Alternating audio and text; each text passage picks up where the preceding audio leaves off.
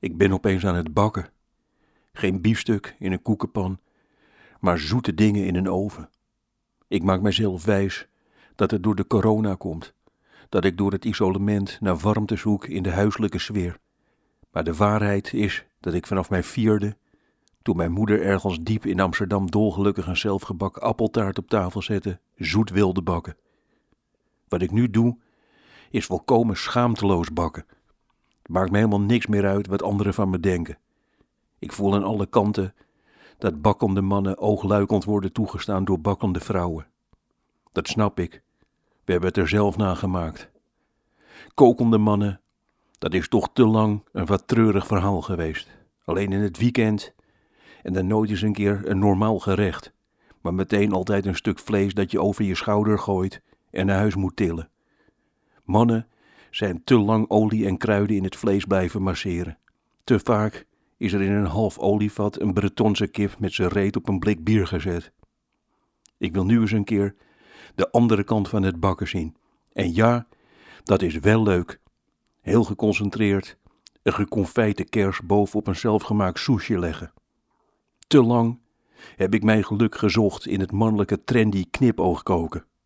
Laat ik het gewoon toegeven. Ik heb jaren geleden bij kookwinkel Duikelman in Amsterdam een Chinees restaurantsetje gekocht. Een flesje voor de ketchup met zo'n wit tuutje erop. En hele lieve plastic lepeltjes in de twee bakjes sambal, die langzaam bleken te zijn opgelost als ik ze op tafel zette om mijn vrienden te verrassen. En ik wil daarbij weg. Ik zoek naar een acceptabele, niet-ironische manier van mannen koken. Ik wil geen insecten roken in een speciaal oventje.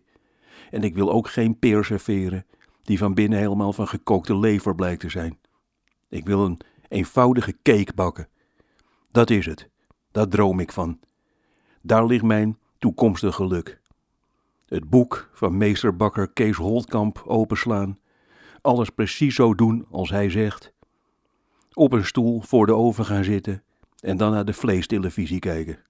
Dank je wel, Gerard Reven, tot die klaar is. Ik wil met een stokje in die cake prikken en dat daarna tegen mijn onderlip doen.